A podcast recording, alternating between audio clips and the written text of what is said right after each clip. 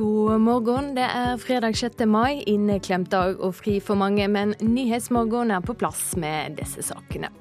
Den britiske hovedstaden London ligger an til å få sin første muslimske borgermester etter lokalvalget i går. Både valgeksperter og veddemålsselskap tror Arbeiderpartipolitikeren Sadiq Khan har fått flest stemmer.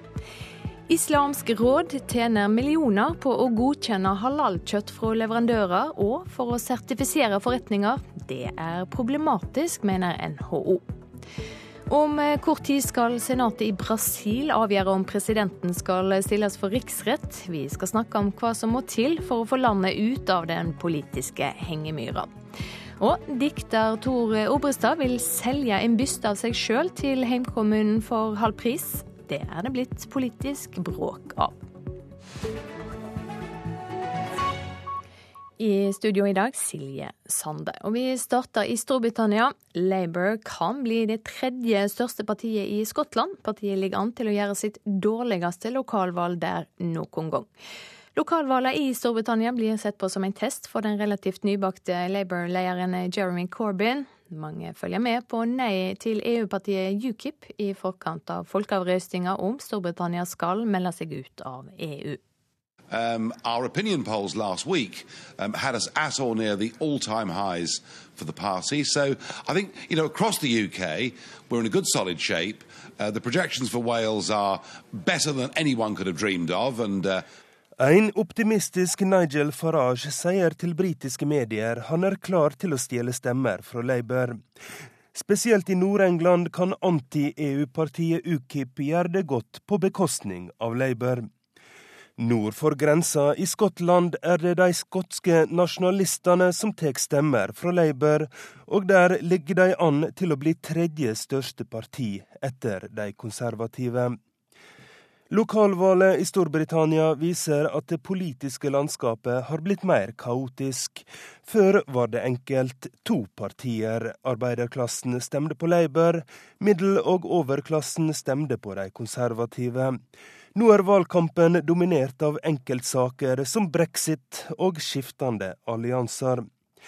Et lyspunkt for Labours Jeremy Corbyn er at Labour kan få borgermeisteren i London.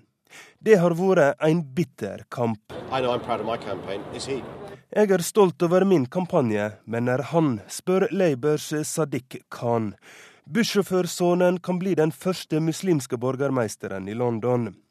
Men med halvparten av stemmene opptelt i England, så har Labour mista 43 seter.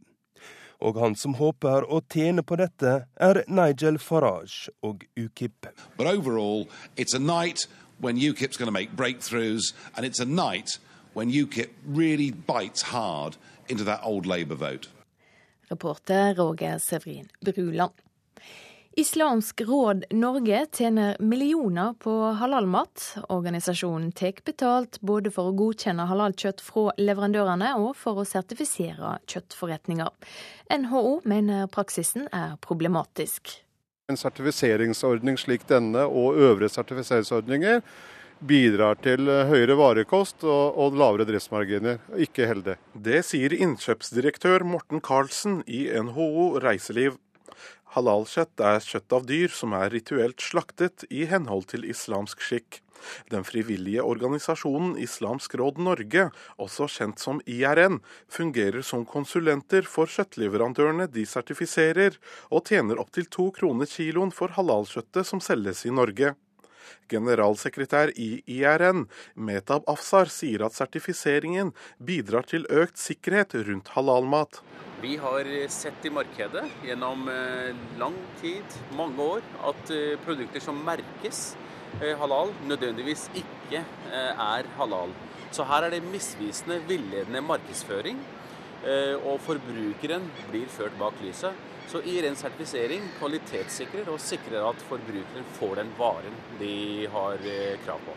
Organisasjonen har årlig rundt 1 million kroner i inntekter fra halalsertifisering. Ved utgangen av 2014 hadde de bygd seg opp et overskudd på nesten 1,4 millioner kroner fra virksomheten gjennom flere år, viser regnskapet. IRN tjener også penger på å halalsertifisere butikker og restauranter gjennom en årlig avgift.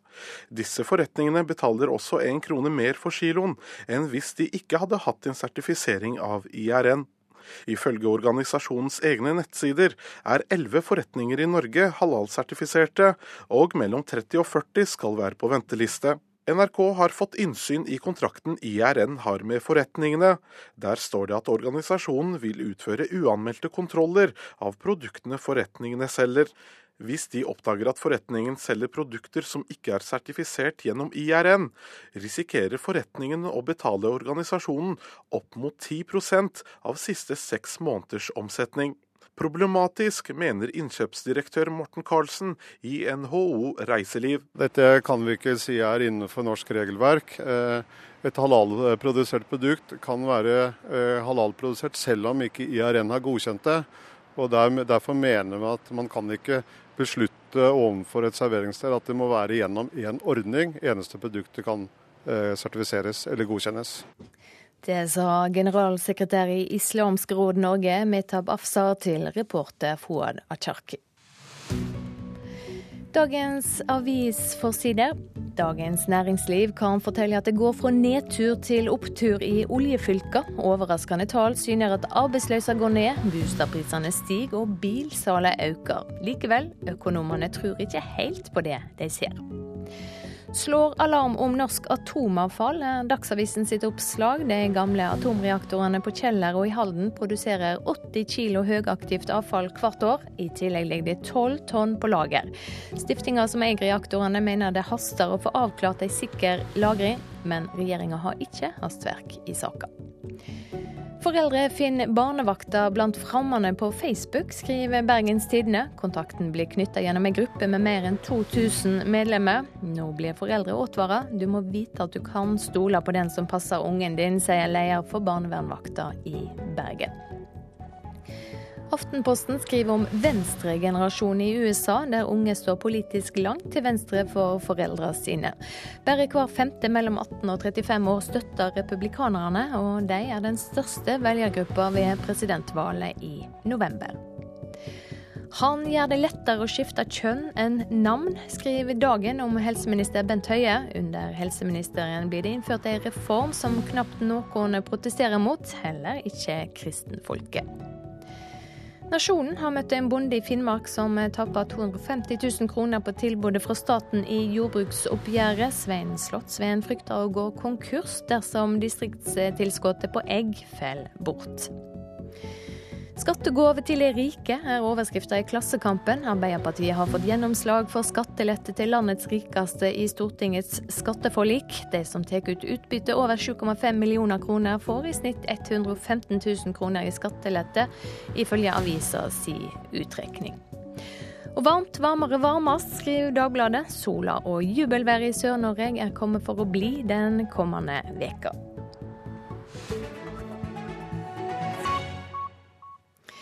Nå skal vi til Brasil. I neste uke skal senatet der etter planen avgjøre om president Dilma Rousef skal stilles for riksrett.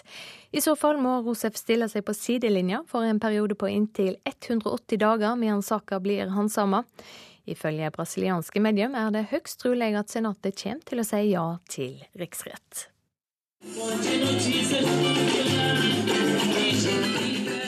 Medlemmer og tilhengere av Brasils fagbevegelse er samlet til protestmøte i sentrum av Rio de Janeiro. De siste dagene har fagbevegelsen gjennomført en rekke protester mot at det går mot riksrettssak for landets president Dilma Rousef fra Arbeiderpartiet PT. Og lederen for Rio-avdelingen av CUT, Brasils LO, sier dette om riksrettssaken. Um Den prosessen vi nå ser her i Brasil, er et kupp, sier Marcelo Rodriguez i fagbevegelsen KUT. I dette tilfellet bruker kuppmakerne riksrett som våpen i stedet for militærmakt, men resultatet er det samme at man vil kvitte seg med en folkevalgt president uten å følge demokratiets spilleregler, sier han. Et klart flertall i Brasils underhus, Kongressen, vedtok i forrige måned at president Dilma Rousef skal stilles for riksrett. Nå ligger saken i Overhuset, Senatet, og tiltalen går ut på at presidenten trikset med budsjettene foran siste valg. Dette har vært gjort også av tidligere presidenter, og ifølge kritikerne er det et tynt grunnlag for riksrett. Dette er en prosess som er satt i gang av dem som tapte det siste valget, og som nå vil ta makten på tvers av folkets stemmegivning, sier Marcelo Rodriguez i brasiliansk LO. Selv om presidenten er upopulær, kan man ikke sette demokratiet til side for å bli kvitt henne. Dette viser hvor lite Brasils overklasse respekterer folkestyret, sier han. De rike ønsker alltid å dominere de fattige. Militærkuppet i 1964 kom fordi de rike følte at demokratiet var fordelaktig for de fattige. Nå prøver man en annen type kupp. En forsamling av korrupte vil fjerne en president som ikke har begått noen forbrytelse. Det er det absurde i det som skjer her i Brasil, sier fagforeningsleder Marcelo Rodriguez her i Rio de Janeiro. Det sa reporter Arnt Stefansen. Med meg i studio nå, Leonardo Doria, leder og redaktør for nettstaden Heia Brasil. Velkommen. Takk. President Dilma Rousef representerer PT, det brasilianske arbeiderpartiet. Hun kom til makta i en ko koalisjon med en rekke andre parti. Visepresidenten hennes, Michel Temer, representerer PMDB, et parti uten en samla ideologi, men med stor oppslutnad. Det er komplisert eh, mm. brasiliansk politikk. Eh, for å starte eh, med Senatet, hva tror du de kommer til å lande på? Blir det riksrett mot presidenten? Ja, Det er veldig vanskelig å snakke om brasiliansk politikk. Det er risikosport eh, å gjøre det. Men uh, alt tyder da på at uh, Senatet skal gå for det, det, å starte den riks, riksrettsprosessen mot Dilma. Men det er mye som skjer på kort tid. Vi kan ikke være sikre, men det ser sånn ut.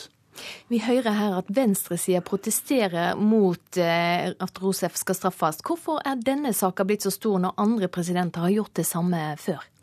Ja, andre presidenter har gjort det uh, før, men uh, i en helt annen uh, størrelse enn det Dilma gjør. Og Det går også på det med at regnskapet til Dilma for de to siste årene, det er da i hvert fall det ene året hvor, som er grunnlaget for den riks, riksrettssøknaden, den er ikke blitt godkjent. Regnskapet er ikke blitt godkjent. Hvis vi skal sammenligne da de forrige regjeringen, så er det sånn at Eh, Lula gjennom åtte år. Han eh, fikk da en, eh, en Han trikset, hvis vi skal si det, han trikset da med regnskapet på totalt 19 milliarder, mens Dilma kun de to siste årene har trikset på, eller med 110 milliarder de to siste årene. Så beløpet er langt større? Beløpet er langt større. Og det er sånn at uh, som sagt, regnskapet ikke er blitt godkjent. Men hvis det skulle vise seg at de andre presidentene uh, har gjort på samme måte, uansett størrelse, så mener jeg også at det burde bli gjort noe med dem. Stoler folk i Brasil på politikerne? Landet har svært mange parti, liten eh, partilojalitet og, og mye hestehandling. Mm. Og korrupsjon er vel ikke helt uvanlig? Nei, dessverre så er det sånn at selv hvis vi skal sammenligne med Norge, da, så er det veldig veldig, veldig lav tillit til politikerne i Brasil. En undersøkelse der har vist at 5% av brasilianerne stoler på, på, politiske partier i Brasil, mens 19% sier at de stoler på regjering, og kun 15% sier at de stoler da på Kongressen. Hvis vi ser da på sammensetningen i Kongressen også, så er det sånn at eh, det er veldig mange representanter, da, 299 av 513, som eh, ikke har plettfri vandel. Så alt dette sant, bekrefter da den, eh, den, historiske forståelse av politikere i Brasil, som resulterer i at brasilianerne har lav tillit til disse. Hva utfall kan denne saka få? Ja, Igjen så er det veldig usikkert. Eh, som sagt så skjer det ting hele tiden. I går så var det en ny vending eh, også som førte til at eh, presidenten i Kongressen ble tatt ut av sitt embet pga. korrupsjonsanklager også. Hvis vi skal tenke noen scenarioer for det, så den ene kan være at Dilma fortsetter. Fortsetter Dilma, så blir det utrolig vanskelig for henne. Det kommer til å fortsette å være mye press på henne, mye motstand i Kongressen, som gjør at hun ikke får gjennomført sin politikk. En annen, et annet alternativ det er at Demir, som er visepresidenten hennes, skal ta over i, disse, i utgangspunktet av disse 180 dager, hvor han skal da prøve å få uh, gjennomført sin politiske økonomi, eller sin, sin, sin økonomiske politikk, beklager, uh, som uh, har vært, som PT, som er partiet til Dilma, ikke har vært veldig fornøyd med. Uh, en annen ting det er da at uh, hvis vi ser at den kampen mot korrupsjonen som brasilianere opplever nå, som vi ser da i, politi i brasiliansk politikk, hvis den demper Hvis, hvis det, det tempoet går litt lavere, så kan det føre til politisk eller til sosial uro i Brasil som kan eh, ikke sant, Brasilianere har de siste årene Det ser faktisk sånn ut at de har fått mer bevissthet på deres makt som borgere. De har begynt å gå ut og demonstrere. Det er noe som vi ikke har sånn historisk sett i Brasil. Det har vært veldig få ganger. Uh, hvis det blir sånn at den korrupsjonskampen der viser seg til å være noe mot kun én side av uh, politikken i Brasil, når vi vet at hele politiske spekteret i Brasil er involvert i korrupte prosesser, mange av de i hvert fall, Eh, hvis det viser seg at det er noe mot en side, så kan brasilianere også være, eller bli sint og skape noe politisk eller sosial uro. Mm. Og da kan det bli ny valg?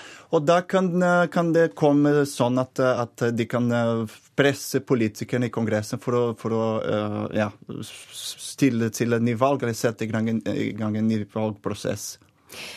Kort til slutt, OL er like rundt mm. hjørnet. Hvor opptatt er brasilianere flest av den politiske krisa? Det er en stor fest som kommer nå, og vi skulle ønske at brasilianere, og særlig folk fra Rio, skulle være mer opptatt av uh, OL som kommer. Men dessverre så er det sånn at politikk og økonomi det er det som opptar brasilianere nå. Takk for at du kom i studio, Leonardo Doria, leder og redaktør for nettstaden Heia Brasil. Klokka er 6.50. Eh, Dette er hovedsaken nå. VG skyldte en restaurant for matjuks, men det viste seg å være feil. Nå beklager avisa. Islamsk råd tjener millioner på å godkjenne halalkjøtt fra leverandører og for å sertifisere forretninger. Det er problematisk, mener NHO. Og en ung mann er alvorlig skadd etter å ha blitt stukket med kniv i Oslo.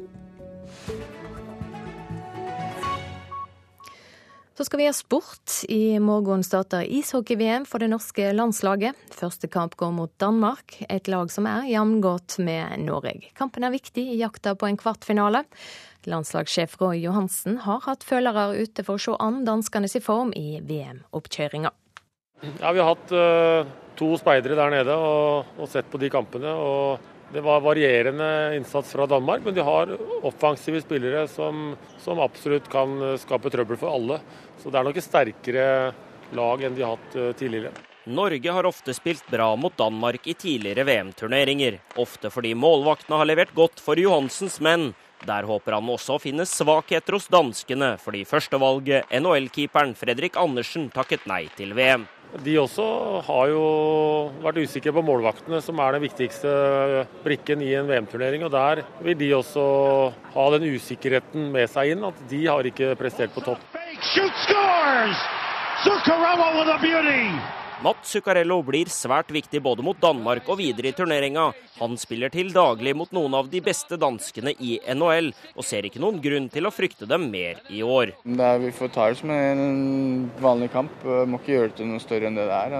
Det er klart Alle hockeyspillere som spiller hockey går for å vinne hver kamp, men vi er jo realistiske også. Altså, noen kamper blir tøffere enn andre, men eh, vi skal gi 100% og så får vi se hvor, hvor det tar oss. Men uh, det er en tøff gruppe, så vi, vi må være på, på tær hele hver eneste kamp. Norge møter Danmark, Latvia, Sveits, Kasjokstan, Sverige, Russland og Tsjekkia i gruppespillet. De fire beste går til kvartfinale. Nå er en lang oppkjøring lagt til side, og alvoret begynner. Jeg regner med at det blir eh, tilbake til start nå og finne den desperasjonen og den, eh, den gutsen som vi trenger i en sånn turnering. Reporter Vegard Aulstad. Forfatter Tor Obrestad har tilbudt heimkommunen Hå å kjøpe en bronsebyste av seg sjøl til halv pris, og slikt blir det politisk bråk av på Jæren. Et flertall i formannskapet sa ja til å kjøpe, kjøpe bysten for 60 000 kroner, men mindretallet anka. Nå ender saka opp i kommunestyret. Nei, det er nok den uvanlige framgangsmåten.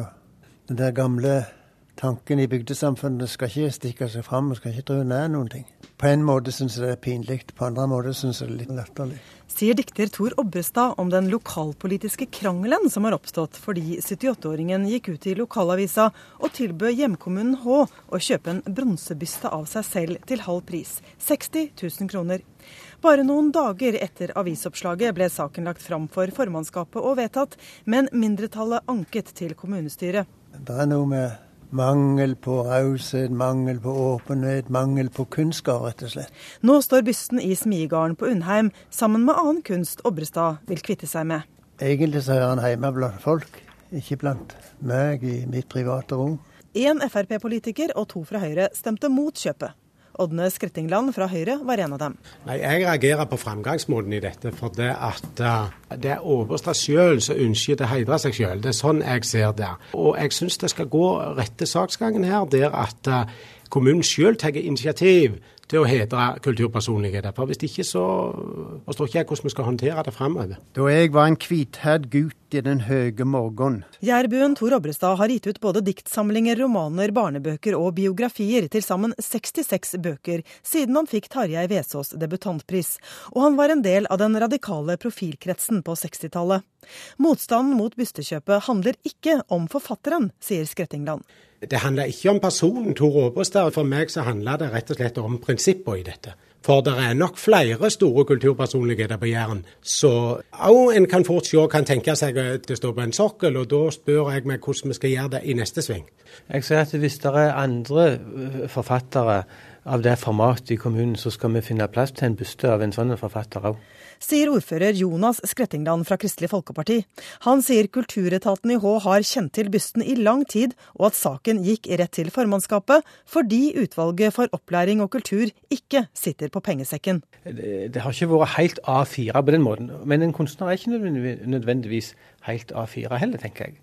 Det var en anledning som kom og en anledning som kommunen tok. Og det hører absolutt hjemme med en sånn byste av en som er en forfatter som har vunnet nasjonale priser, og som har et nasjonalt navn. Det sa ordfører Jonas Skrettingland til reporter Anette Johansen Espeland. Utlånet av e-bøker fra norske bibliotek er nå dobbelt så stort som salget av e-bøker fra bokhandlene. Det viser tall fra februar. Ved hyllene på Deichmanske biblioteket i Oslo er en lånekunde ute etter å låne film på DVD, men bøker låner han elektronisk. Gunnar står ved en av hyllene inne på Deichmanske bibliotek på Majorstua i Oslo. Han er her for å leie film på DVD, for bøker det låner han på nettet, og leser de på nettbrettet sitt. Fordi det er lettvint? Han er en av mange som har oppdaget at du kan låne gratis e-bøker fra norske bibliotek på nettet. Utlånet av e-bøker fra norske bibliotek er nå dobbelt så stort som salget av e-bøker fra de norske bokhandlerne. Det viser nye tall fra Bokbasen. 27 315 e-bøker ble solgt i februar, mens 48 043 bøker ble lånt ut fra norske biblioteker. Tallene er små, men tendensen er klar. Fra 2014 til 2015 gikk utlånet opp med 86% De store pengene er fortsatt i papir. Forlegger Vidar Kvalshaug mener dette viser at forlagene bevisst velger å ikke satse på å selge e-bøker. De tekniske løsningene er for dårlige. Eh, det er ikke ett klikk i en butikk som vi er vant med når vi kjøper musikk, når vi kjøper Kindle-bøker, når vi kjøper andre typer produkter på nett. Og er det ikke et klikk en butikk i dag, så har du nesten ikke kjangs. På biblioteket må du stå i kø for å låne nye norske e-bøker. Kvalshaug mener salget av norske e-bøker må bli høyere for å ivareta det norske språket. Hvis ikke norske forlag får på plass en mye bedre løsning for å kjøpe norske e-bøker, da er det veldig lett for den neste generasjon, som alle snakker utmerket engelsk, å heller velge engelske bøker. Administrerende direktør i Forleggerforeningen, Kristen Einarsson, er helt uenig med Kvalshaug. Lesertallene viser at vi har et kjempehøyt nivå på lesningen. For oss spiller ingen rolle hvordan folk leser bøkene. Om du leser, leser på papir, e-bøker, hører på lydbøker. Bare du leser. Poenget er norske lesere velger å lese hvordan de vil, og alt er tilgjengelig. Reportere Eirin Venås Sivertsen og Christian Ingebretsen. Så værvarselet. Austafjells blir det for det meste lettskyet fint vær. I fjellet delvis skyet opphold, med minst skyer i øst. På Vestlandet blir det for det meste skya eller delvis skya oppholdsvær, men lokalt litt regn i ytre deler av Sogn og Fjordane. I Møre og Romsdal og Trøndelag for det meste opphold og litt sol. Fra om ettermiddagen lokalt litt regn i ytre strøk. I Nord-Norge for det meste skyer og noen regnbyger. Øst i Finnmark og sør i Nordland lite nedbør. Rundt eh, Longyearbyen på Spitsbergen for det meste delvis skyer, oppholdsvær. Vinden blir stort sett rolig, men det blir sørlig liten kuling på kysten av Vestlandet først på dagen, og sørvestlig liten kuling enkelte steder på kysten av Nordland og Troms. Så har vi temperaturene målt for to timer siden. I dag er det bare plussgrader. Kirkenes 5, Vardø 6, Alta 5, Tromsø-Langnes 6, Bodø 7, Brønnøysund 10, Trondheim-Værnes 6, Molde 8, Bergen-Flesland 9, det hadde også Stavanger 9. Kristiansand-Kjevik 2, Gardermoen 1 grad, Lillehammer 3, Røros 5, og på Oslo-Blindern var det målt 3 grader for to timer siden.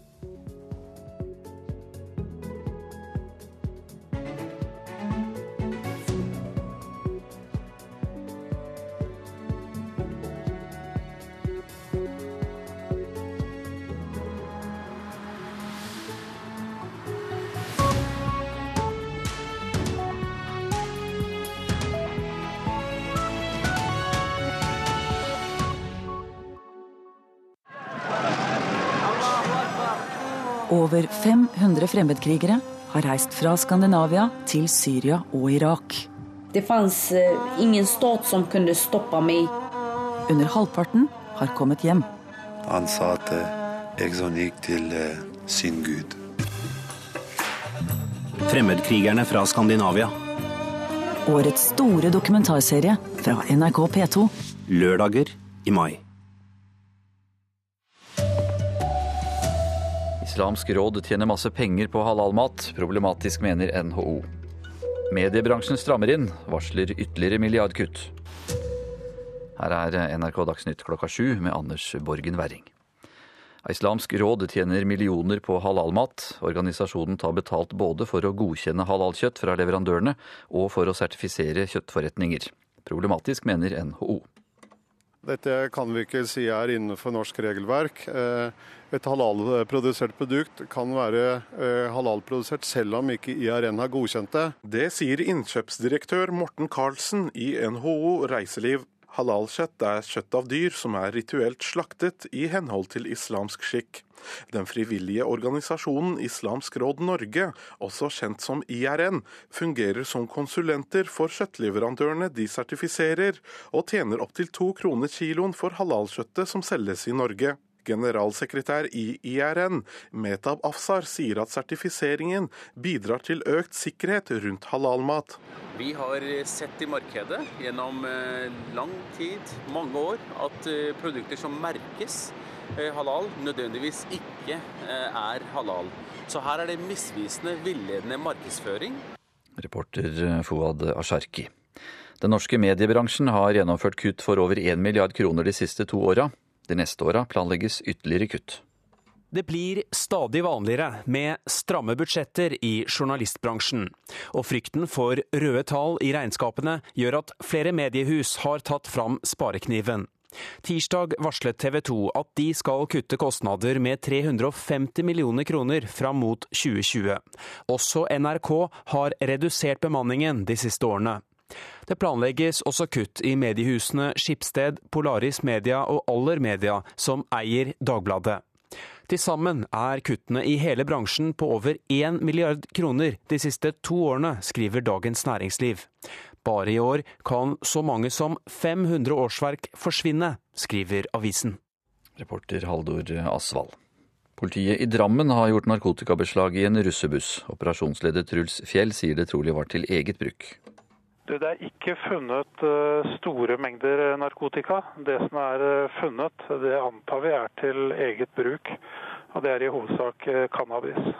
Betyr det at dette var en planlagt aksjon, at den er basert på tips dere har fått? Jeg kan ikke komme inn på bakgrunnen for hvorfor vi gjennomførte aksjonen. Men det er klart her ligger det noen opplysninger i, i forkant. Det gjør det. Normalt så vil reaksjonen være for, for dette her være forelegg. Russetida er eh, bare noen uker gammel. Vil dere gjennomføre lignende aksjoner i, i tida som, som kommer? Ja, Det kan vi ikke utelukke. Intervjuer Anne Marit Borgen Werring. Her i Nyhetsmorgen skal vi høre at Helsedirektoratet ber kommunene om å tilsette egne psykologer for eldre. De som gjør det, får ekstra pengestøtte. I Storbritannia er opptellinga i gang etter lokal- og regionvalget i går. Vi skal snakke om hva retning valgvinden ser ut til å ha blåst i. Og For tre uker siden skylda VG en restaurant i Drammen for juks med villsvinkjøtt. Nå legger avisa seg flat og ber om årsaking.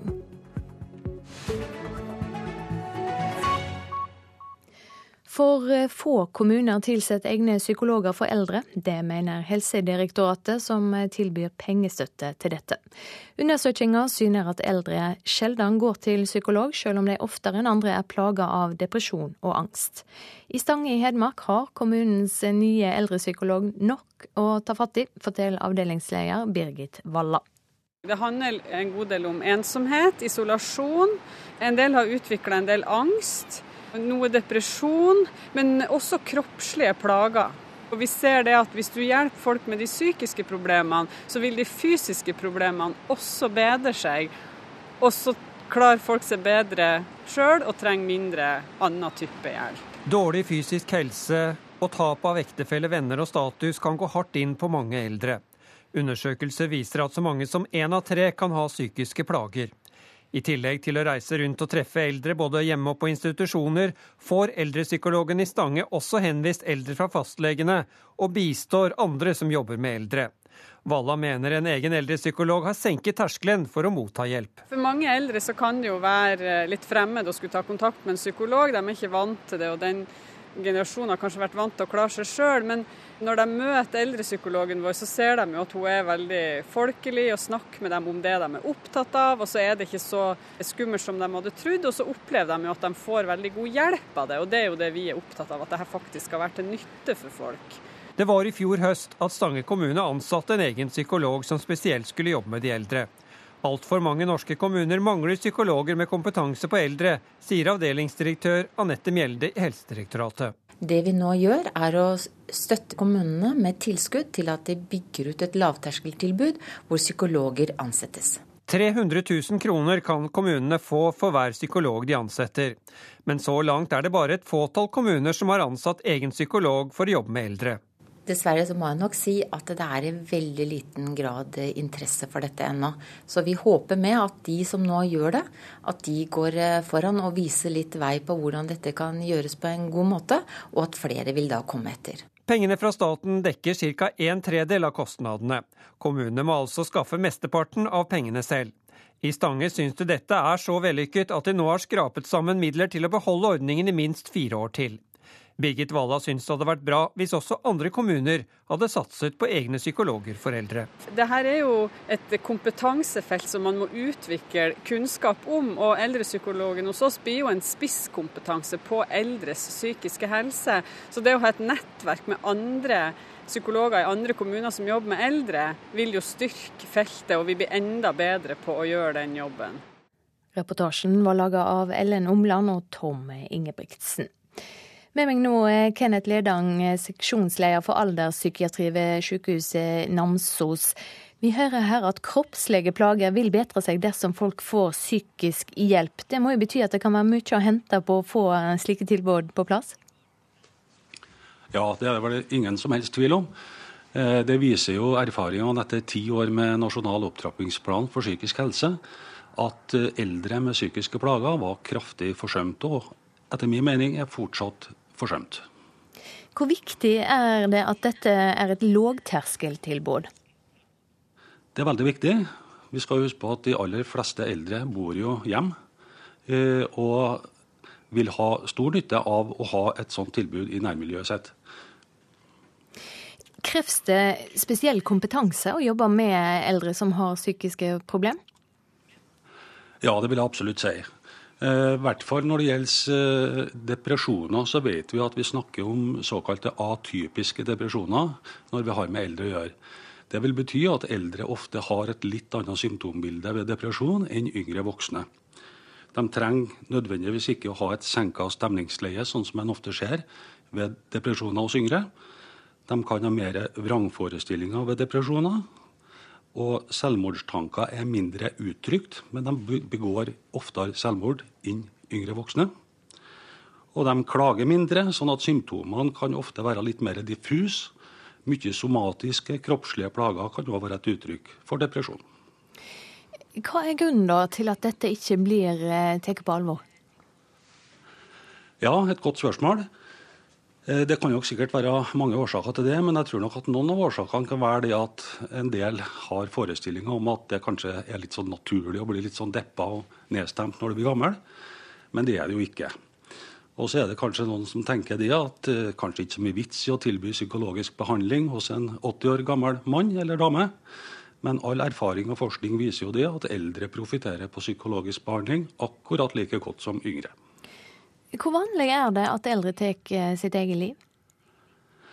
Ja, eh, Vi vet jo i hvert fall det at hyppigheten når det gjelder selvmord blant eldre, er eh, relativt sett større enn hos yngre voksne. Det vet vi, det viser forskninga.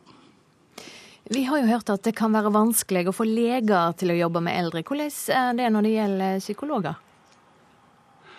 Ja, som vi har hørt tidligere i innslaget, så er det jo vært forholdsvis liten interesse hos det. Og det har kanskje noe med at eldre medisin og eldre psykologi har hatt litt mindre status, kanskje, enn å jobbe med barn og unge og, og, og yngre voksne. Og eh, det har vært liten tradisjon for å ha hatt et særlig fokus på det. Det er jo beklagelig, eh, men jeg håper nå at det initiativet som direktoratet nå viser med å stimulere til opprettelse av flere psykologstillinger, bl.a. i kommunene, kan være et viktig skritt i riktig retning. Ja, ser du for deg andre tiltak som eh, også kunne ha vært med å, og, og hjelpe til? Ja. Eh, vi skal huske på det at eh, ti år med nasjonal opptrappingsplan der man skulle styrke det psykiske helsearbeidet i kommunene, der har vi jo fått en stor kompetanseøkning, mye flinke fagfolk som i dag jobber med psykisk helsearbeid i kommunene. Det de dessverre har hatt litt for lite fokus på dem òg, det har jo vært gruppen over 65 år, altså dem vi da betegner som eldre i befolkninga. Vi ser nå at eh, det har blitt et større fokus på den gruppen òg.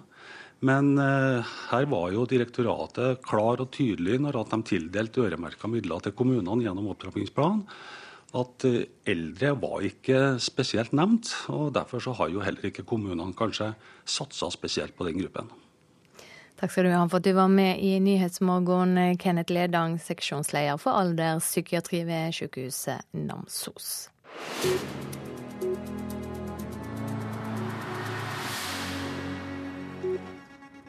I Storbritannia er opptellinga i gang etter lokal- og regionvalget i går. Vallokaler stengte klokka 23 norsk tid i går kveld, men ennå kan det gå mange timer før alle resultater er klare.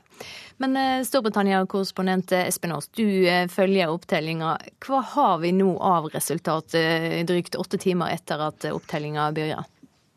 Ja, Det er mange resultater som nå begynner å gi oss eh, i hvert fall et ganske klart bilde av, eh, av, hvordan velgerne har bestemt seg. Og Noe av det mer eh, interessante, som ventet for så vidt, er jo da i Skottland, hvor det skotske nasjonalistpartiet gjør som ventet, et brakvalg, mens det britiske Arbeiderpartiet Labour gjør et veldig dårlig eh, valg og har eh, gått mye tilbake.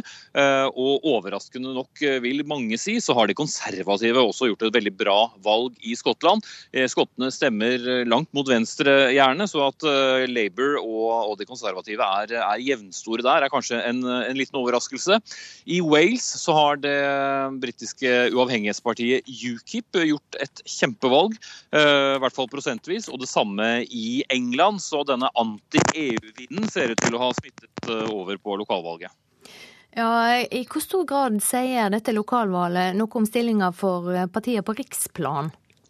Det er jo særlig det britiske arbeiderpartiet Labour som kommer til å bli målt ekstra nøye. De skiftet jo som kjent leder etter det katastrofale uh, parlamentsvalget i fjor. Uh, nå har Jeremy Corbyn uh, selvfølgelig ikke ansvaret for alle valgresultatene her. Det er et, valg, det er et lokalvalg tross alt.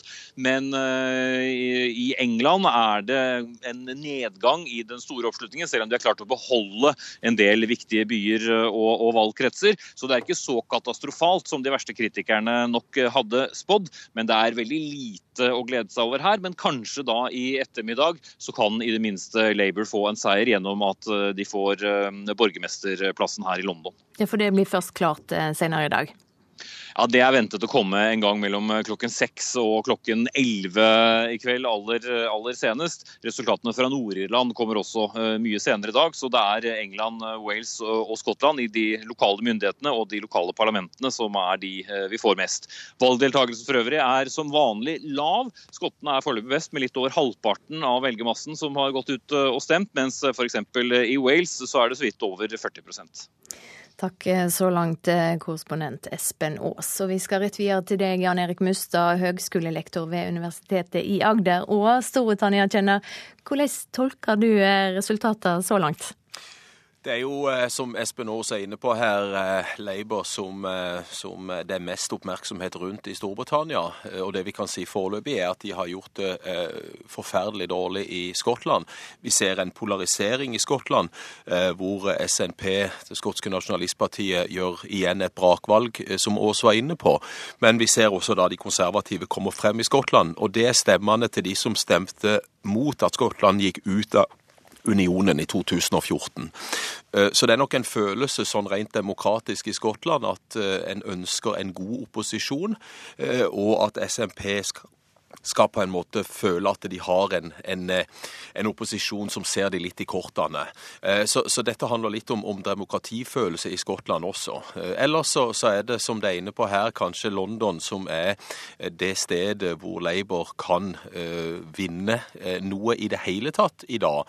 Uh, Tapene ellers i England er ikke så store at det er noe frykt for at Jeremy Corbyn som partileder må gå av. De konservative bryr seg ikke så veldig mye om disse lokalvalgene. Det er alltid mest fokus på Labour og de mindre partiene. Ja, hva er forklaringa på at eh, Labour gjør det så dårlig? Det er mange forklaringer på dette. Nå har det jo vært flere kriser i partiet siden Corbyn ble leder eh, i eh, september i fjor. Den siste krisen som, ble, som det er blitt omtalt som i britiske medier, er jo dette antisemittistiske som har kommet fram. Der er to medlemmer av partiet som er ekskludert. Det kommer til å bli flere som blir ekskludert. Partiledelsen har fått veldig kritikk for at de har håndtert akkurat dette antisemittiske dårlig. Mange jøder jødiske donorer til, til, partiet har sagt at de vil ikke støtte Labour lenger. Labour-ledelsen er rasistisk, og at de må ta tak i dette fortest mulig.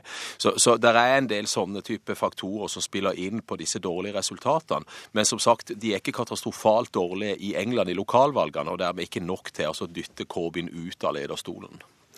Men uh, Labour kan uh, altså få den nye borgermesteren i London, uh, Sadiq Khan. det vet jo ikke ennå, men, men alt tyder på det. Mm. hvem er han?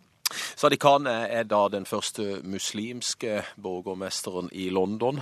Han er en som representerer skal vi si, det tradisjonelle Labour-London. De områdene av London som har en stor eh, multietnisk eh, befolkning. Eh, han er en populær Labour-politiker. Han er en advokat. Han har ført mange saker som har vært nokså delikate, hvis vi kan si det, det, si det sånn. Så, så han, han har gjort en god valgkamp i forhold til Zack Goldsmith, som har egentlig bare bare ført en negativ valgkamp og beskyldt Khan for det ene og det andre. Og, og Zack Goldsmith står frem som nokså veik og, og, og nokså karakterløs. Så, så, jeg tror at selv om det har vært en, en del problemer i Labour nå, eh, så vil London-befolkningen allikevel gi Khan et mandat om å, om å være frontfiguren i London. Eh, hva sier resultatene, det vi vet så langt, av eh, disse lokalvalgene dersom vi, ser det opp mot eh, om eh, brexit? Nei, Det er jo det vi er litt spent på. Se hvordan disse EU-avstemningsmeningsmålingene vil bli i kjølvannet av disse resultatene. Det vi nok kommer til å se, er at en del av de som er usikre i forhold til om de skal stemme ja til å bli i EU eller til å forlate EU, de sitter nok litt på gjerdet og ser hvordan partiet deres gjør, gjør de valget nå. Så, så ser vi at UKIP, altså, altså dette anti-EU-partiet, går veldig frem i Wales.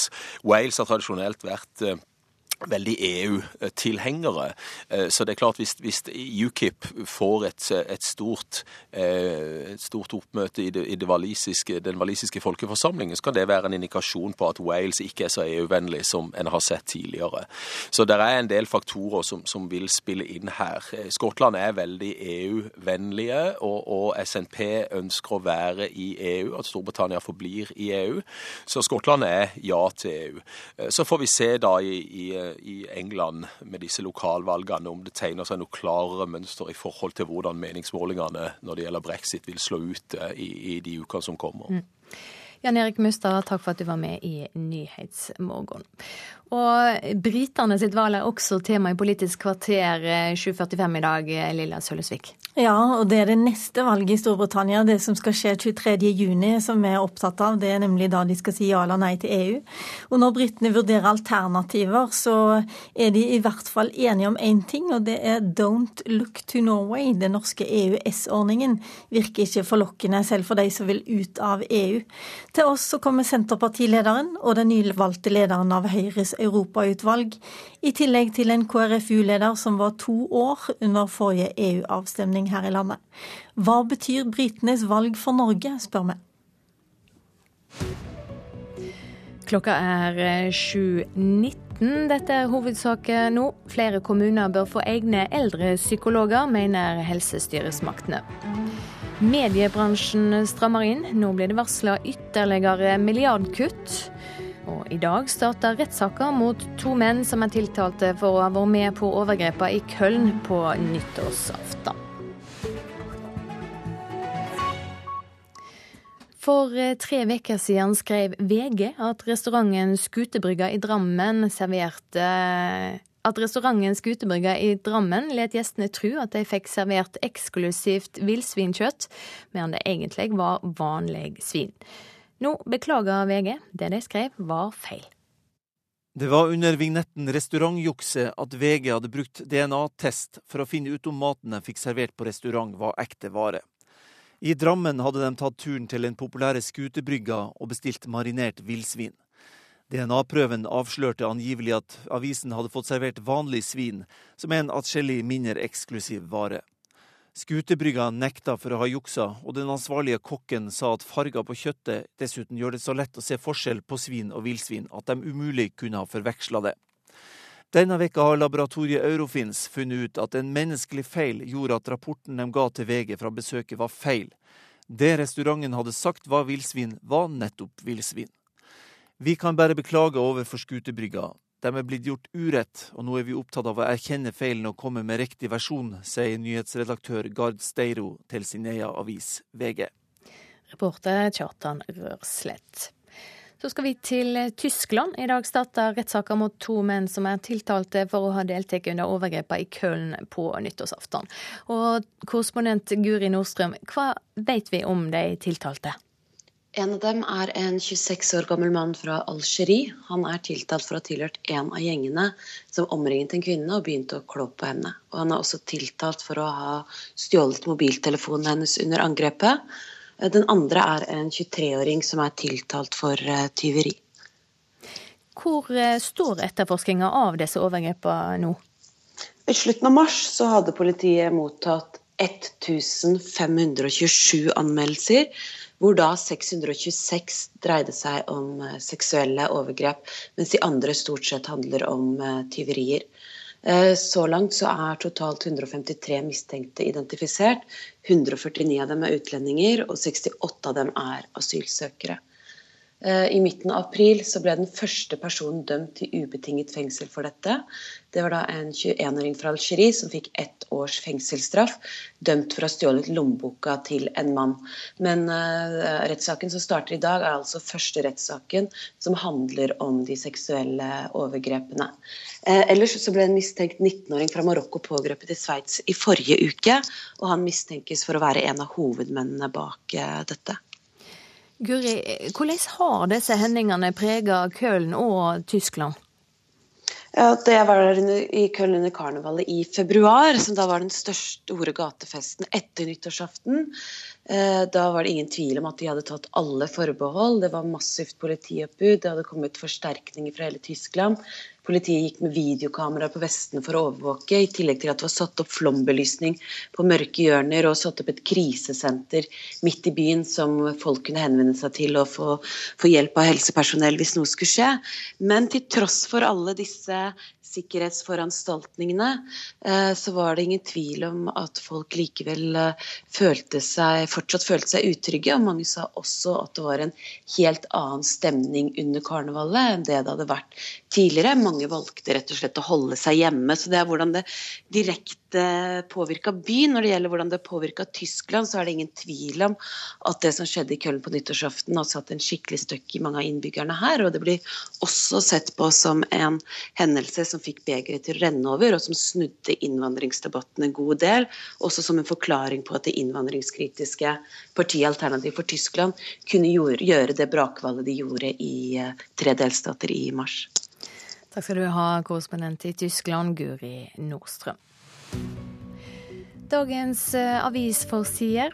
Dagens Næringsliv kan fortelle at det går fra nedtur til opptur i oljefylka. Overraskende tall syner at arbeidsløsa går ned, boligprisene stiger og bilsalet øker. Likevel, økonomene tror ikke helt på det de ser slår alarm om norsk atomavfall, er Dagsavisen sitt oppslag i dag. De gamle atomreaktorene på Kjeller og i Halden produserer 80 kilo høyaktivt avfall hvert år. I tillegg ligger det 12 tonn på lager. Stiftinga som eier reaktorene mener det haster å få avklart ei sikker lagring, men regjeringa har ikke hastverk i saka. Foreldre finner barnevakta blant fremmede på Facebook, skriver Bergens Tidende. Kontakten blir knytta gjennom en gruppe med mer enn 2000 medlemmer. Nå blir foreldre advart. Du må vite at du kan stole på den som passer ungen din, sier leder for barnevernvakta i Bergen. Aftenposten skriver om venstregenerasjonen i USA, der unge står politisk langt til venstre for foreldrene sine. Bare hver femte mellom 18 og 35 år støtter republikanerne, og de er den største velgergruppa ved presidentvalget i november. Han gjør det lettere å skifte kjønn enn navn, skriver Dagen om eh, Bent Høie. Under helseministeren blir det innført en reform som knapt noen protesterer mot, heller ikke kristenfolket.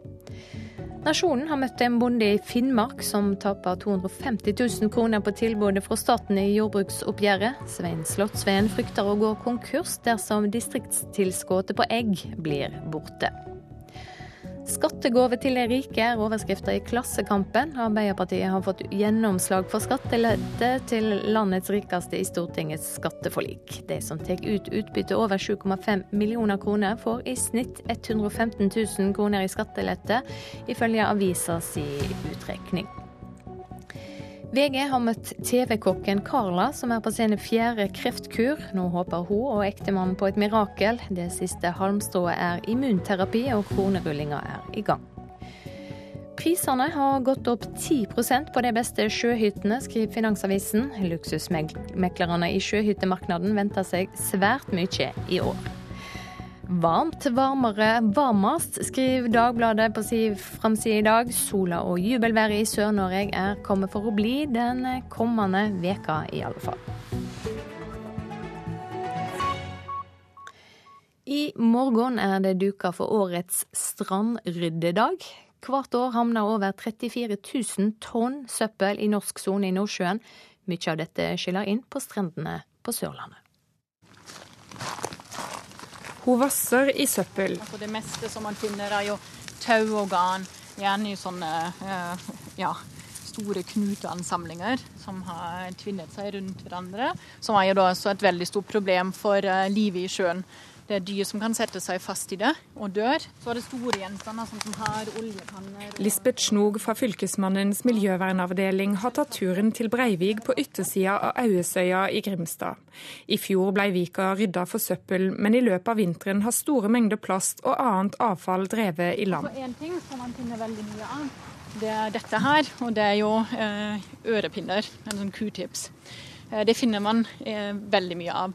Så den største leverandøren har jo reagert med at det nå skal produseres i eh, papir eller papp istedenfor plast.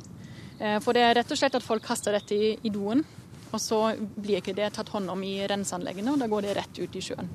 Forsøpling av kysten er et stort miljøproblem, sier Snog. Det er jo sånn at det er over seks millioner tonn søppel som havner i sjøen hvert år. Eh, I Norge, eller i norsk sone av Atlanterhavet, så er det 34 000 tonn hvert år. Eh, det er veldig mye, og det meste kommer fra land. En antar at på 1 kvadratkilometer hav så er det mer enn 50 000 plastbiter som flyter. Så det er et globalt problem. Eh, søpla overalt. Og det vi ser her på land, det er jo bare 15% av den totale mengden. Det er som et isbær. 70 eh, synker ned, eh, og 15% flyter på havoverflaten. Det tar 10-20 år før en plastpose er smuldra til småbiter i havet. En bleie eller fiskegarn vil ta flere hundre år før det forsvinner. Og så er det jo ikke sånn at det forsvinner. Det blir ikke brutt ned på samme måte som organisk materiale, men det smuldrer opp i små biter. De blir mindre og mindre, etter hvert mikroplast. Og så kan de da bli spist av dyr. Og så er jo sånn flaskekorker finner man jo også i bøtter og spann. Eh, de ligger jo overalt. I morgen er det igjen duka for en nasjonal strandryddedag. Det ble første gang arrangert i 2011. Da var det 2000 deltakere og ca. 20 tonn som ble ryddet. Eh, I fjor var det tidoblet, både antall folk som var ute og rydda, og mengde søppel som ble ryddet. Sier Snog, og oppfordrer alle til å rydde sin strand for søppel i morgen. Tanken bak strandryddedagen er å sørge for renere strender og øke bevisstheten rundt forsøpling. Folk har blitt veldig vant med å se søppel i naturen. Eh, samtidig som vi ser, spesielt gjennom strandryddedagen, at flere har blitt mer bevisste på det. Spesielt barn og unge. Ehm, så det skjer noe, men det går veldig sakte. Reporter Miriam Grov. I reportasjen etter Dagsnytt om vel ti minutter skal vi være med 33 sirkusløver på et eget charterfly fra Sør-Amerika til fridom og grønt gras i Afrika. Produsent for Nyhetsmorgen i dag, Marit Selme Nedreli. I studio, Silje Sande.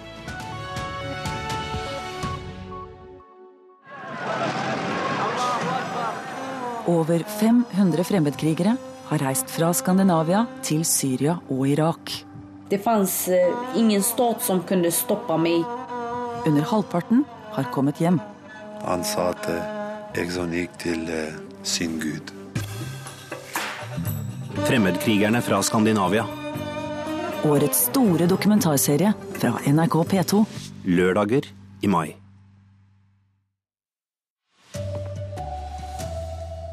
Flere kommuner bør få egne eldrepsykologer, mener helsemyndighetene. Fyll og dop blant russen. Feiringen i Bergen er den verste noensinne, mener erfarne skoleledere. VG beskyldte restaurant for å selge svin som villsvin, men det var feil. Her er NRK Dagsnytt klokka 7.30 med Anders Borgen Werring. For få kommuner ansetter egne psykologer for eldre. Det mener Helsedirektoratet, som tilbyr pengestøtte til dette. Undersøkelser viser at eldre sjelden går til psykolog, selv om de oftere enn andre er plaget av depresjon og angst. I Stange i Hedmark har kommunens nye eldrepsykolog nok å ta fatt i, forteller avdelingsleder Birgit Walla. Det handler en god del om ensomhet, isolasjon. En del har utvikla en del angst. Noe depresjon. Og vi ser det at Hvis du hjelper folk med de psykiske problemene, så klarer folk seg bedre sjøl og trenger mindre annen type hjelp. Dårlig fysisk helse og tap av ektefelle, venner og status kan gå hardt inn på mange eldre. Undersøkelser viser at så mange som én av tre kan ha psykiske plager. I tillegg til å reise rundt og treffe eldre både hjemme og på institusjoner, får eldrepsykologen i Stange også henvist eldre fra fastlegene, og bistår andre som jobber med eldre. Valla mener en egen eldrepsykolog har senket terskelen for å motta hjelp. For mange eldre så kan det jo være litt fremmed å skulle ta kontakt med en psykolog, men når de møter eldrepsykologen vår, så ser de jo at hun er veldig folkelig og snakker med dem om det de er opptatt av. Og så er det ikke så skummelt som de hadde trodd, og så opplever de jo at de får veldig god hjelp av det. Og det er jo det vi er opptatt av, at dette faktisk skal være til nytte for folk. Det var i fjor høst at Stange kommune ansatte en egen psykolog som spesielt skulle jobbe med de eldre. Altfor mange norske kommuner mangler psykologer med kompetanse på eldre, sier avdelingsdirektør Anette Mjelde i Helsedirektoratet. Det vi nå gjør, er å støtte kommunene med tilskudd til at de bygger ut et lavterskeltilbud hvor psykologer ansettes. 300 000 kroner kan kommunene få for hver psykolog de ansetter. Men så langt er det bare et fåtall kommuner som har ansatt egen psykolog for å jobbe med eldre. Så vi håper med at de som nå gjør det, at de går eh, foran og viser litt vei på hvordan dette kan gjøres på en god måte, og at flere vil da komme etter. Reportere Ellen Omland og Tom Ingebrigtsen. Politiet har beslaglagt narkotika og pågrepet åtte personer i en aksjon mot en russebuss i Drammen. Sju politipatruljer deltok i aksjonen, i det som skal ha vært en planlagt aksjon, melder nettavisa Drammen Live 24. Narkotikaen var trolig til eget bruk, ifølge politiet. Bussen var på vei til Stavanger og helgens russetreff der. De åtte er løslatt etter avhør i natt.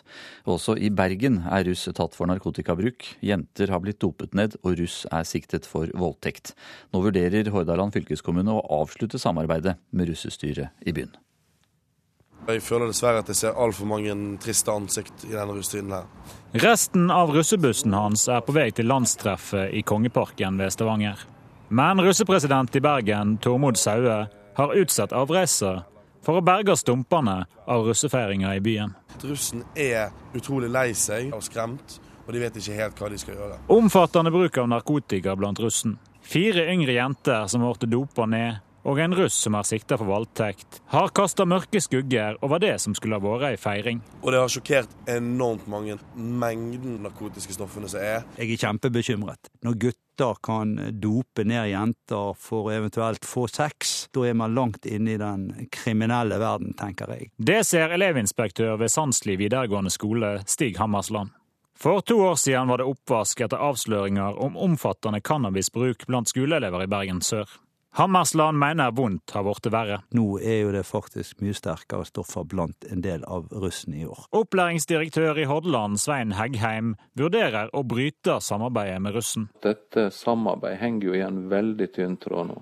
Han etterlyser et opprør blant ungdommene. Opprør mot en uh, ukultur som ikke har noe som helst med feire avslutning av skoletida å gjøre. Russepresidenten vedgår at rammene rundt russefeiringa i byen ikke har vært forsvarlige. Nå ber han om hjelp for å finne en plass der russen kan møtes innenfor trygge rammer. Det er ikke forsvarlig per i dag.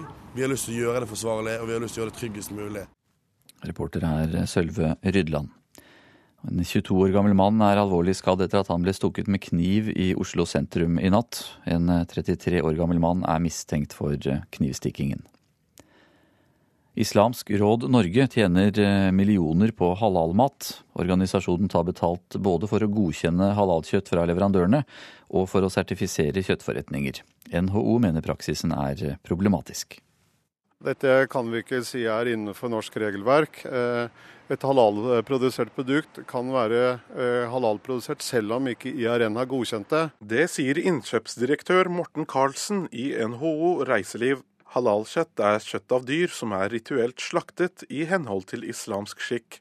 Den frivillige organisasjonen Islamsk råd Norge, også kjent som IRN, fungerer som konsulenter for kjøttleverandørene de sertifiserer, og tjener opptil to kroner kiloen for halalkjøttet som selges i Norge. Generalsekretær i IRN, Metab Afsar, sier at sertifiseringen bidrar til økt sikkerhet rundt halalmat. Vi har sett i markedet gjennom lang tid, mange år, at produkter som merkes halal, nødvendigvis ikke er halal. Så her er det misvisende, villedende markedsføring. Organisasjonen har årlig rundt 1 million kroner i inntekter fra halalsertifisering. IRN tjener også penger på å halalsertifisere butikker og restauranter gjennom en årlig avgift. Ifølge organisasjonens egne nettsider er 11 forretninger i Norge halalsertifiserte, og mellom 30 og 40 skal være på venteliste. Reporter Fouad Asharki. Det går mot et eh, dårlig valg for Labour i lokalvalget i Storbritannia. Et valg som blir sett på som en test for partileder Jeremy Corbyn. Valget lodder også stemningen foran EU-folkeavstemningen eh, i sommer. Gjør EU-motstanderne UKIP det godt, så kan dette være et dårlig tegn for framtidig britisk EU-medlemskap. Og Korrespondent Espen Aas i London, for å ta det siste først. Har valgresultatet gitt noen indikasjoner på hvilken vei EU-folkeavstemningen kommer til å gå? Ja, det er for tidlig eh, å, å, dra noen konklusjoner, men det dette valget helt klart viser, er at eh, UKIP, eh, uavhengighetspartiet her i Storbritannia, med sin veldig kritiske EU-politikk og sin også veldig kritiske innvandringspolitikk, har gjort det veldig bra her i England. Og de gjør det også tilsynelatende veldig bra i Wales, som jo er et land som de ikke tidligere har gjort det så godt. Der er det en del opptelling som, som gjenstår foreløpig, men prosentvis oppslutning eh, har gitt et kjempehopp for, eh, for UKIP eh, i Wales. Et land som heller ikke har vært kjent for å være spesielt kritiske til EU, men det kan se ut som det er en strømming på gang her. Og så rapporterer britiske medier om et dårlig Labour-valg. Er det for tidlig å konkludere? De har gjort et elendig valg i Skottland. Nå overrasket vel ikke det så mange, for der har de ligget an eh, dårlig. De eh, ble jo nærmest eh, fjernet fra hele det skotske kartet under riksvalget i fjor, og denne trenden har bare fortsatt.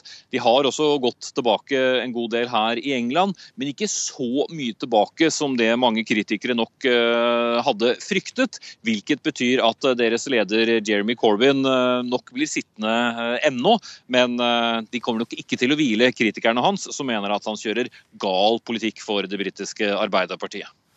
Takk skal du ha, korrespondent eh, Espen Aas i London. For tre uker siden så skrev eh, VG at restauranten Skutebrygga i Drammen lot gjestene tro de fikk servert eksklusivt villsvinkjøtt, mens det egentlig var vanlig svin. Nå beklager avisa. Det de skrev, var feil.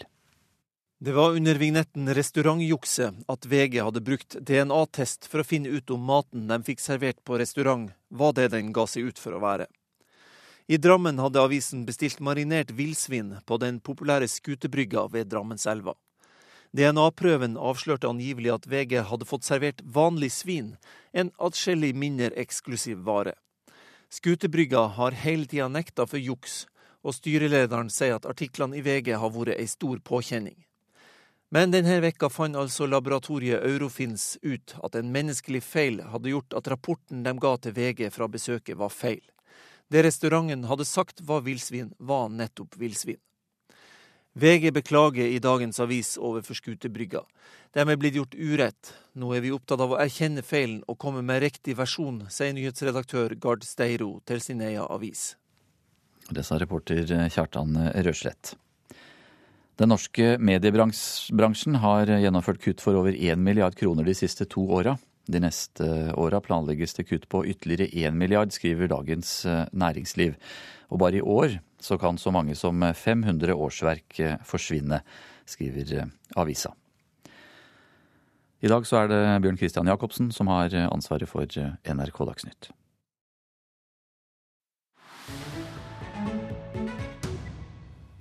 Her i Nyhetsmorgen skal vi til en dyreaksjon som vekker internasjonal oppmerksomhet.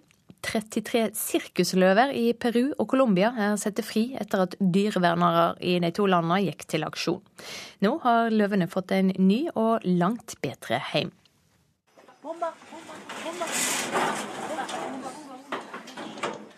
Det er en grytidlig morgen i Florida Blanca i Colombia. Dyrekjennere er i ferd med å lokke løver ut av burene sine og inn i transportkasser. Men ikke alle løvene er like villige til å frivillig bevege seg fra et fangenskap til et annet. Disse løvene skal snart få oppleve ekte frihet, men før det skal de ut på en lang transportetappe. Med eget charterfly fra Colombia via Peru og helt til Sør-Afrika. Disse 33 løvene har vært i fangenskap hos diverse omreisende sirkus i Peru og Colombia.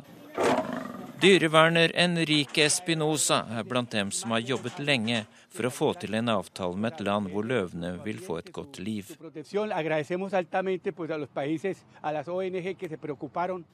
Vi er svært takknemlige overfor organisasjoner og land som har hjulpet oss på veien, sier Espinosa til nyhetsbyrået Reuters. I Colombia har ett sirkus frivillig gått med på å gi fra seg ni løver.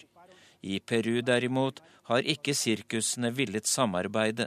Der har dyrevernet reaksjonert med myndighetenes velsignelse. De har hentet løvene uten sirkuseiernes medvirkning og tillatelse.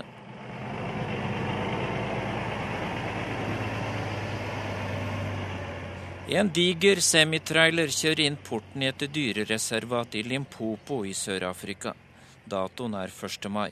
Det er bare minutter til de 33 løvene skal settes fri. Med på reisen fra Sør-Amerika er dyrevernere fra Peru og Colombia.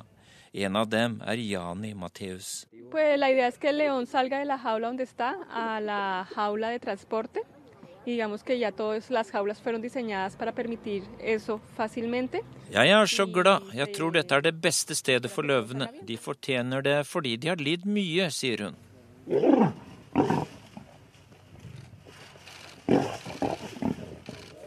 Løvene blir i første omgang plassert i hver sin innhegning der det er grønt gress, rød jord, busker og trær. En hannløve forsøker å få kontakt med en hunnløve på andre siden av ståltrådgjerdet. Dette er magisk, sier Tim Phillips. Han er nestleder i organisasjonen Animal Defender International. These animals had never until today walked on grass and soil and smelt the ground and the soil. When you've seen them rubbing against the trees, that's the first time they've ever done that. For mange av løvene er det første gang de går på gress, første gang de kjenner lukten av jord, første gang de kan lene seg mot et tre for å massere ryggen. So it's really magical. Everything we've tried to do with this project is give these lions back the life that was stolen from them for years with these cruel traveling circuses.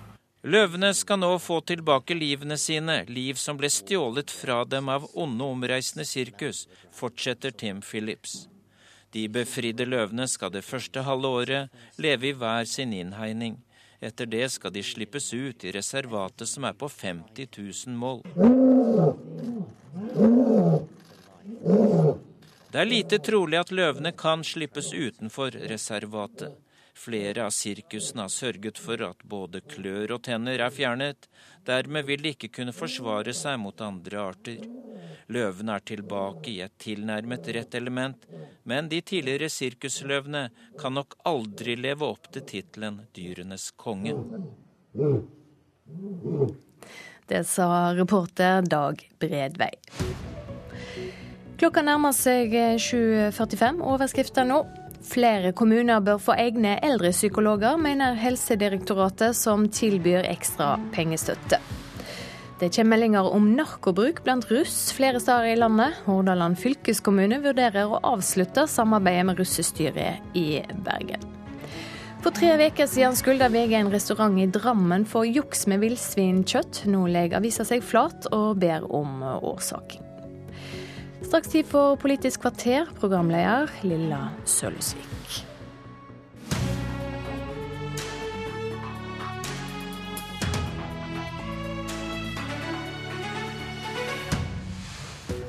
Don't look to Norway. Det er det eneste britene virker helt enige om når de nå vurderer alternativer til EU-medlemskap. I dette politiske kvarteret skal vi se på Storbritannia og spørre hva britenes valg vil bety for oss. Ja, I går var det lokalvalg i Storbritannia, og neste gang britene skal til valgurnene er på selveste sankthansaften, og da er spørsmålet om Storbritannia skal ut av EU. En av dem som kjemper for dette, er Londons populære ordfører Boris Johnson. Og nå i løpet av det siste døgnet har også Donald Trump kasta seg inn i valgkampen og sagt at britene er best tjent med å si nei. I den grad det finnes nei-generaler i Norge om dagen, så er du en av de fremste, Senterpartileder Trygve Slagsvold Vedum. Hvorfor mener du britene bør ut av EU? Det må jo det britiske folk bestemme sjøl, men jeg syns i hvert fall de skal glemme all den der skremselen som det nå florerer i britiske medier, at det noe veldig galt vil skje hvis de ikke fortsatt skal være medlem i EU. Det samme hørte vi i 94, så bare glem det. Storbritannia er et land med over 60 millioner mennesker og står veldig veldig sterkt. Og så har jo folk i Storbritannia over tid ytra sterkere og sterkere motstand mot den overnasjonaliteten vi ser i EU. Vi har sett en veldig lav valgdeltakelse i EU-parlamentsvalg. Og jeg syns jo den retning som EU tar, med at det går mer og mer mot et sånn ja, europeisk USA, det er ikke ønskelig. Jeg skjønner godt at det britiske folk ikke ønsker at man skal få flytte enda mer makt fra London til Brussel. Heidi Nordby Lunde, du er nyvalgt leder av eh, Høyres europautvalg. Hvorfor mener du at britene bør bli værende i EU? Det er mange grunner. Eh, sikkerhetspolitisk, handel, økonomi. 25 eh, av eh, Storbritannias økonomi er bl.a. avhengig av finansnæringa, som, som, jo er i hjertet av finansnæringa i, i, Europa, ligger i, i, London. Og I tillegg så har du økt fare for at Skottland igjen kommer til å ta opp spørsmålet om de skal bli i Storbritannia eller ikke. Så Storbritannia har alt å tjene på å bli, og lite å tjene på å å gå ut. Vi skal snakke mer om hva et eventuelt nei vil bety for Norge også, men først så må vi høre med deg, Espen Aas. Du er vår korrespondent i London, og du er med oss faktisk fra Themsens bredd. Det har vært snakka om at regionvalgene i går var en test på hvor Storbritannia kommer til å ende i EU-spørsmålet. Nå er jo ikke resultatene klare ennå, men er det noe mer mulig å si hvor vinden blåser?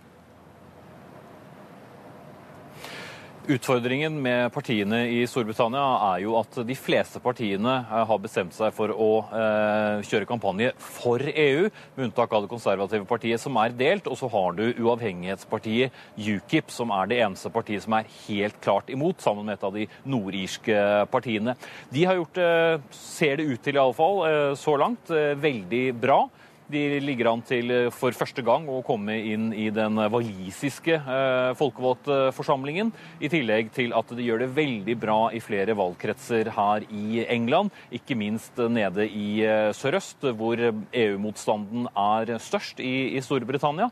Eh, men i Wales, som jeg var eh, inne på, så har de slitt bl.a.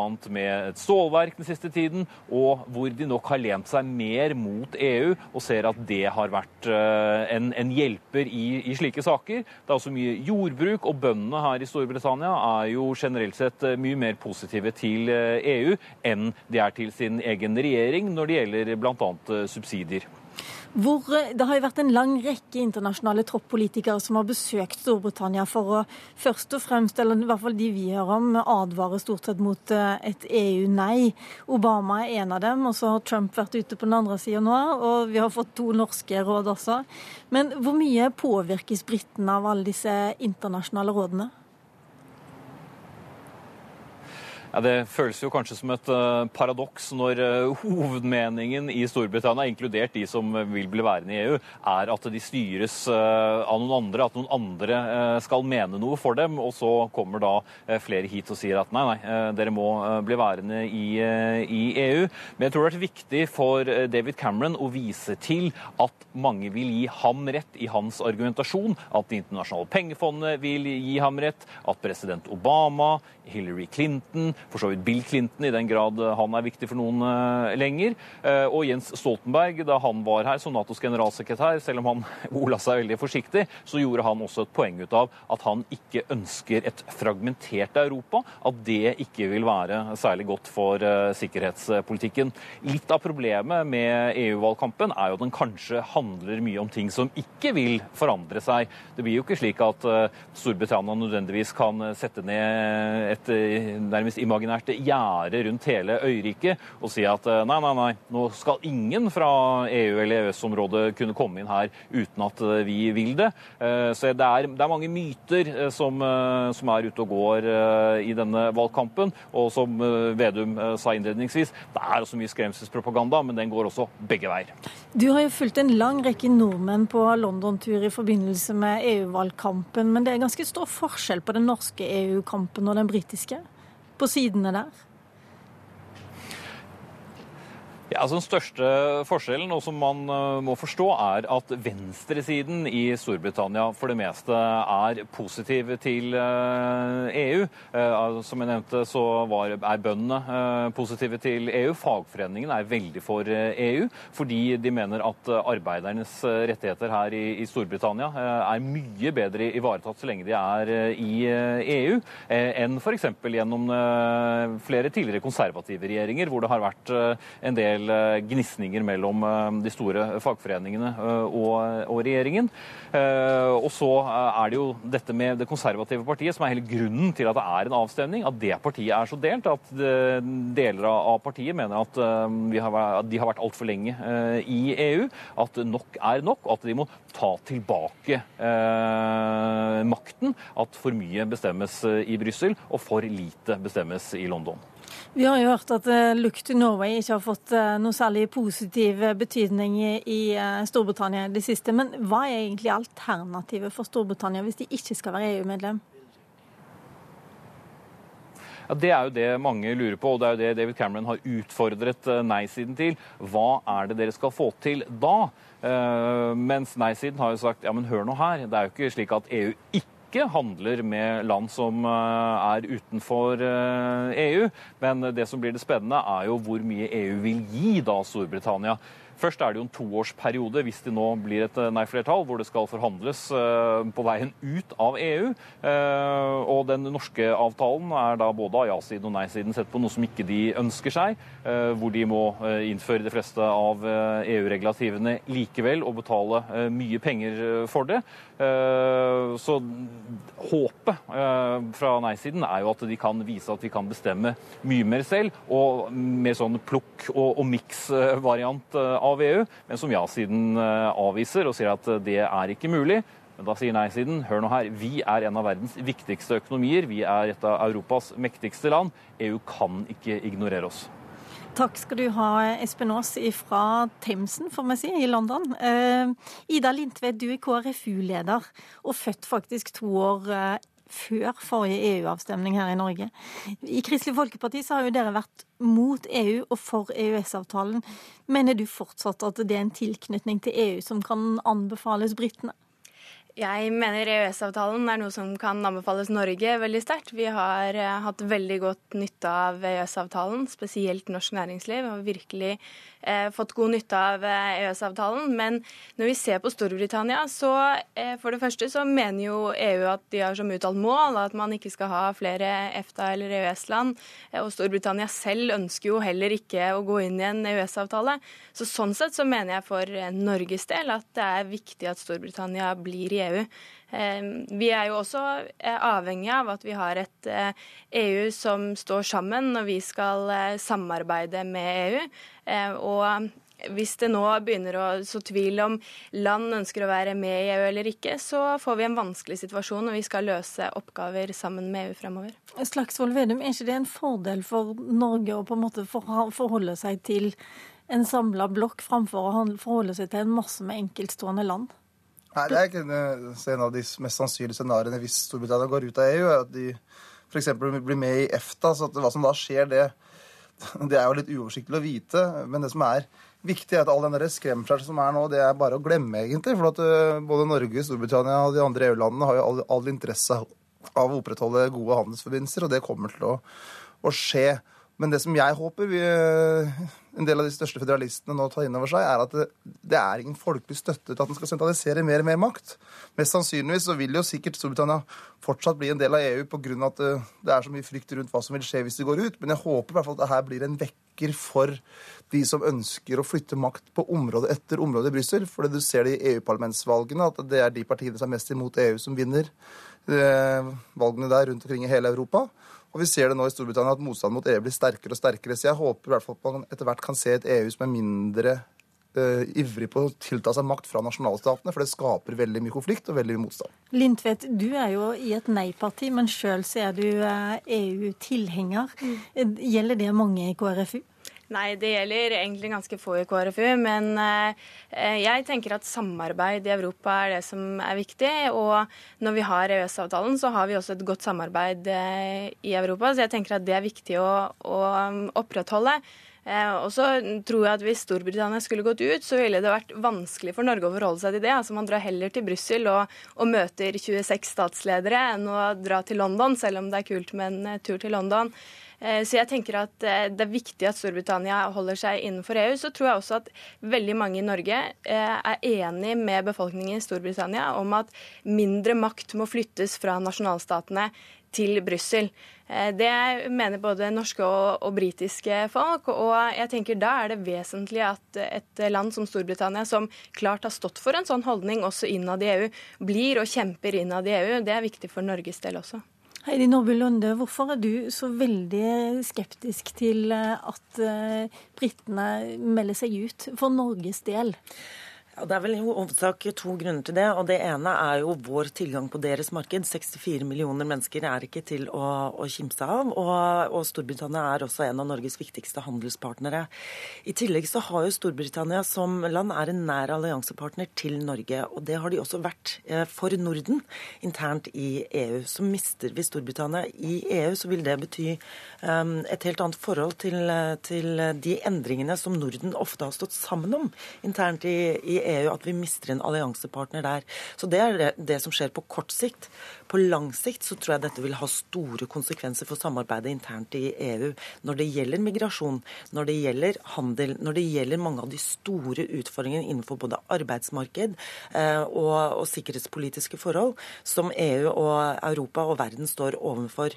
Det å gå ut av det og så begynne en, en splittelse internt i EU på, i et, eh, på et tidspunkt hvor vi alle tjener på å stå mer samla, tror jeg er veldig uklokt. Ja, hadde det ikke, Er ikke det en fordel, eh, ikke minst i forbindelse med flyktningkrisen, eh, Vedum, at eh, Europa står mer samla enn de har klart å gjøre nå? Men det er en fordel at man begynner å lytte til folk i Europa. Og folk i Europa er skeptiske til at mer med makt flyttes til Brussel og bort fra, fra dem sjøl. Og det skaper et mye høyere konfliktnivå. Og en, en, av de tingene som er spennende for Norge, er at hvis Storbritannia går ut av EU, så vil det jo bli en diskusjon rundt EØS. Og se om man kan få til en mye bedre avtale enn det vi har i dag. Hvor, hvorfor skal man få en bedre avtale av at de sier nei først?